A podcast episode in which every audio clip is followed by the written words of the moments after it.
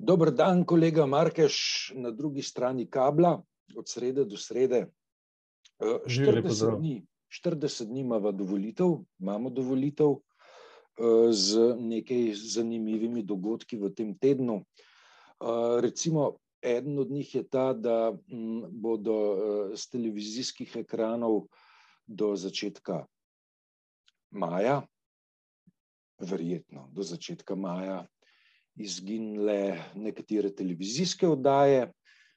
Predsednik vlade je z vlakom s svojimi kolegi iz Poljske in Češke odpotoval v Kijev. Pa pri bencinih, gorivih, nafti je vlada sprejela ponovno mesečno omejitev cen navzgor, se pravi, se vračamo v regulacijo cen. Tako, okvir, ne, je pa, mislim, da ta, ki sva ga omenila na začetku, to je štirideset dni do volitev. Kaj pomeni ukinitev, začasna ukinitev, vsaj tako pravijo, ne, studia City, tednika Tarče? Pomeni to, da imamo mi svojega Putina v državi. Pred nosom ga ne rabimo uvažati od nikoder, ne, vse ostalo pomeni pa tako, kot bi različne sadeže, recimo imaš jabolka pa špinačo pa avokado pa borovnice pa karkoli že, banane, jogurt in tako naprej, stresel v eno samo posodo, iz tega naredil en šejk in ga ponudil, ali, ali, ali še drugače, z zelenjavo bi temu rekel enolončnica. Skratka, mi v prihajamo v popolnoma nepregledno, nepregledno situacijo, v kateri naj se ne bi več videlo, kdo pije in kdo plača in kaj se je zadnje štiri oziroma pardon, ne štiri leta, ampak v zadnjem, predvsem v zadnjega dveh letih v resnici na družbeni in politični ravni dogajalo.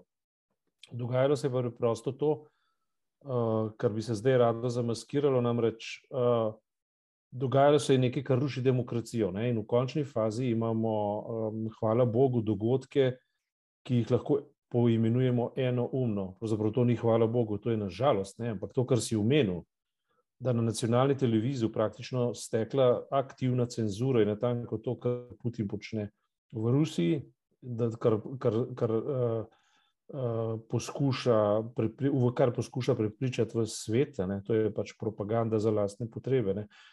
In ironija je, ne, da naš predsednik vlade v istem trenutku, ko, ko to počne, rine v Kijev in Zelenskemu pove, da Ukrajina brani evropske vrednote, pravi, in to pohvali. Se pravi, prihaja v, v Ukrajino kot ambasador evropskih demokratičnih vrednot, v Sloveniji pa tepta na najbolj, bom rekel, vulgaren način in v imenu ropotanja bomb oziroma bombardiranja Kijeva naj se to pri nas ne bi slišalo. To se dogaja.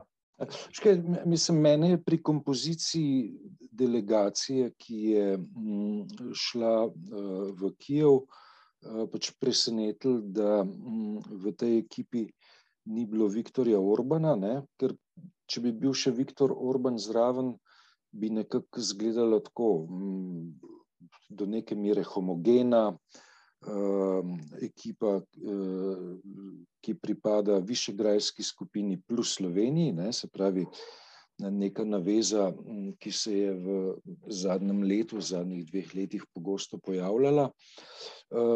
Vendar se Budimpešta ni odločila, da bi sedla na ta vlak za Kijev. Ja, saj pač, če bereš tuje medije, pa tiste, ki so za to specializirani, tudi v Bruslju, na primer Politico, ali pa tudi kakšne druge, ugotavljajo, da Orban igra zanimivo dvojno igro. Na eni strani se je ustrašil Združenih držav Amerike in Evrope in deklarira enotnost in usklajenost lastne politike z evropsko, na drugi strani pa njegovi mediji in pa notranja, notranja diskusija tako rekoč naklonjena Putinovim argumentom, ne, skorajda tako kot Kitajska. In hkrati tudi pišejo, da se je na neki način podpiranje populističnih gibanj v Evropi iz Moskve preselilo v Budimpešto. to je uh, njegova politika, ki mu zagotavlja nizke cene energentov, nizke cene nafte, nizke cene plina. Um, in človek bi pričakoval, da v trenutku, ko med Slovenijo, uh, saj skozi Janšo in pa Orbana, velja največje možno zavezništvo, da se bodo take cene goril, kot so na mačarskem, pojavljale tudi na, na črpalkah OMV, ki so v lasti Mačarov, ne? pa se to ni zgodilo ne? in se to ne dogaja. Uh, to je pač neka zanimiva igra, in, in še bolj kaže na dvojnost in dvoličnost akterjev te uh, smeri, politične evropske smeri, oziroma smeri bolj rečeno v Evropi. In uh, glede tega uh, se mi zdi, da je čas za naivnost pravzaprav minil. Na neki točki bo treba stvari poimenovati za svojim imenom. Um, Ampak vrnimo se k mm, dejstvu, da zginjajo za, za enkrat za določen čas tri kar odmevne televizijske oddaje sporeda. Eh, ali imaš ti vtis, da bo eh, volilno telo prikrajšano za ustrezne informacije o dogajanjih v slovenski politiki? Absolutno, ne gre samo za to, da bo prikrajšano, gre tudi za to, da, smo, da mi plačujemo to televizijo. Ne plačuje Janša, ne plačujejo njegovi vazali, ne plačujejo njegovi profiteri, tisti, ki državo ropajo na tak in drugačen način. Plačujemo jo mi, državljani, in to z mesečnimi položnicami. In pričakujemo um, politiko, ki je najmanj, oziroma politi, uredniško politiko, ki je profesionalizirana, se pravi, ki se ne ozira pač na želje ene stranke, zlasti pa enega vožda ampak se ozira preprosto na interes javnosti in pa na javni prostor. In to pričakujemo od tega, kar je na televiziji nekako zrezultirano, se osimbolilo v oddaji Tarča, pa deloma v studiu City. Ne? In Tarča je postal slovenski Kijev. Uh, se pravi, zauzema se, zauzemalo se ga je in zdaj je padlo ne? pred volitvami za, za pač potrebe volitve, je, je Kijev padel. Uh, in padajo tudi vse druge oddaje, in padajo nacionalna televizija. Iz tega sta možni samo dve, dva izhoda. Eno je to, da um, organiziramo državni odpor in nehamo plačevati televizijo, ki uh, ne, nima pravice po nikakršni ustavni normi nalagati plačilo, neprostovoljno plačilo za nekaj, kar je strankarska propaganda. Drugo, kar je pa, da se to logiko ukine in se vzpostavi nazaj profesionalno schemo, ki je bila sicer resnici na ljubo. Vedno problematična, ampak vendarle je funkcionirala. Ne? bila je problematična, je pa funkcionirala, zdaj pa tudi funkcionira ne več. Ne. In to so, to so parametri, in zdaj um, na eni strani Janša poskuša elektorat prepričati in pa evropsko javnost, da je nosilec pobude in pa ideje Evropske unije, ki je edini za dosti koražen, da je šel v Kijev, izsilil v bistvu to potezo, hkrati ne, pa, isto, pa isto logiko um, zauzemanja Kijeva uveljavlja v svoji lastni državi na um, polju demokracije in pa seveda na polju medijev. Ne. On uh, daje vtisko, da je šel v Kijev na podoben način, kot bi šel hudič v pekel požerjavico, se pravi, ker uh, rabi nekaj, uh, s, nekih svežih elementov vročine. Ne. Uh, skratka, to uh, jaz mu ne verjamem niti eno sekundo, pa niti za en milimeter njegove demokratične in pro, pro, pobude in pa njegovo naravnanost k evropskim vrednotam. Uh, je pa zanimivo to, ne, da je eh, zelo aktiven, eh, to dobro lastnost ima. Izredno je produktiven, izredno je inovativen in neutruden. Ne. In vtis pa je, kot da konkurenčne opozicijske stranke, kar 40 dni pred volitvami čepijo, sedijo in čakajo, da se bo zgodilo nekaj samoumevnega. Ne. Mogoče je to gledano za goloba, celo dobra taktika, ne? ker v nekem smislu, če nekdo dela zelo grozne stvari, uh, je včasih tvoj kapital že to, da močiš in se samo postaviš v stran in, in profitiraš negativno, zelo na pozitivno, profitiraš negativne učinke, negativna, uh, um, kako naj rečem, odbojna sporočila tega uh, tvojega konkurenta. Ne? ne vem, ali je to taktika ali, to, ali je to samo nesposobnost. E, mislim, da pri Golobu gre, po mojem oceni, za to, ne, da se stranka šele v teh dneh v resnici eh, oblikuje, se postavlja. V soboto, v sobotni prilogi, bo Golob imel svoj intervju v, v schemi, ki jo imamo predvideno za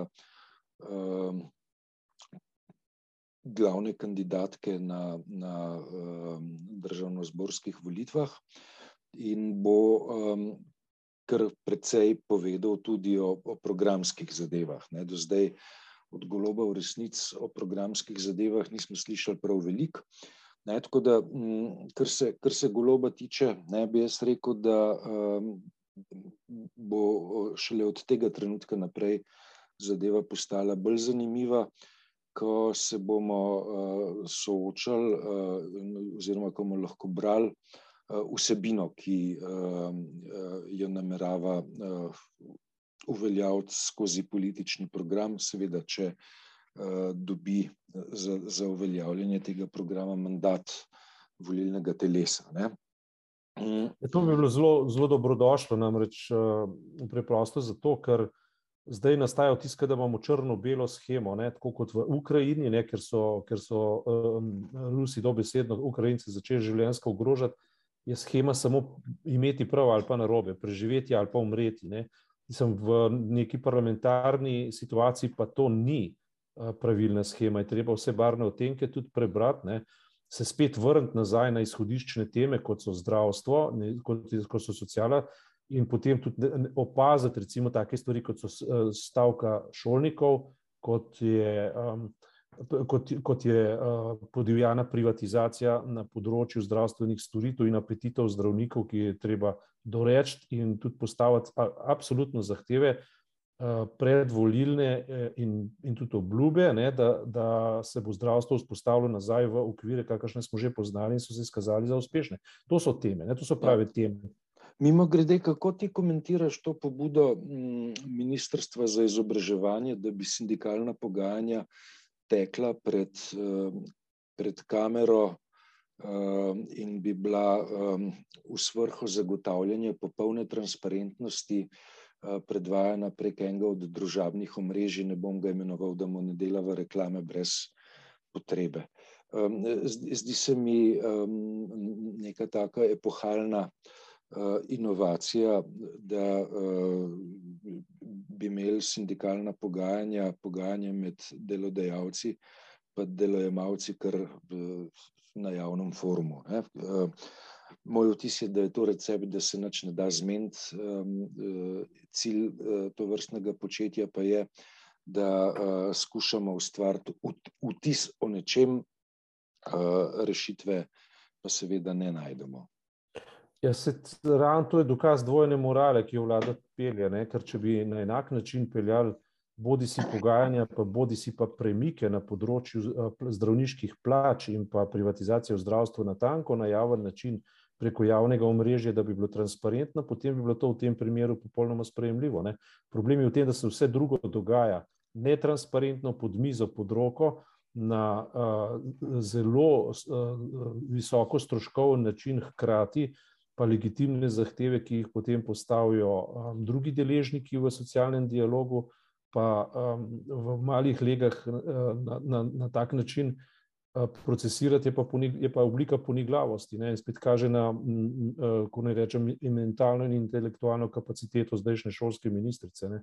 Skratka, jaz mislim, da šolniki so vladi in državi nastavili zdaj dobro ogledalo, ki ga nikoli ne bi bilo, kolikor jaz stvari razumem, če ne bi država do sedaj ravnala popolnoma netransparentno. In začelo se je preprosto, z tiho privatizacijo zdravstva in pa z zdravniškimi plačami. Tega ne smemo pozabiti. Ne.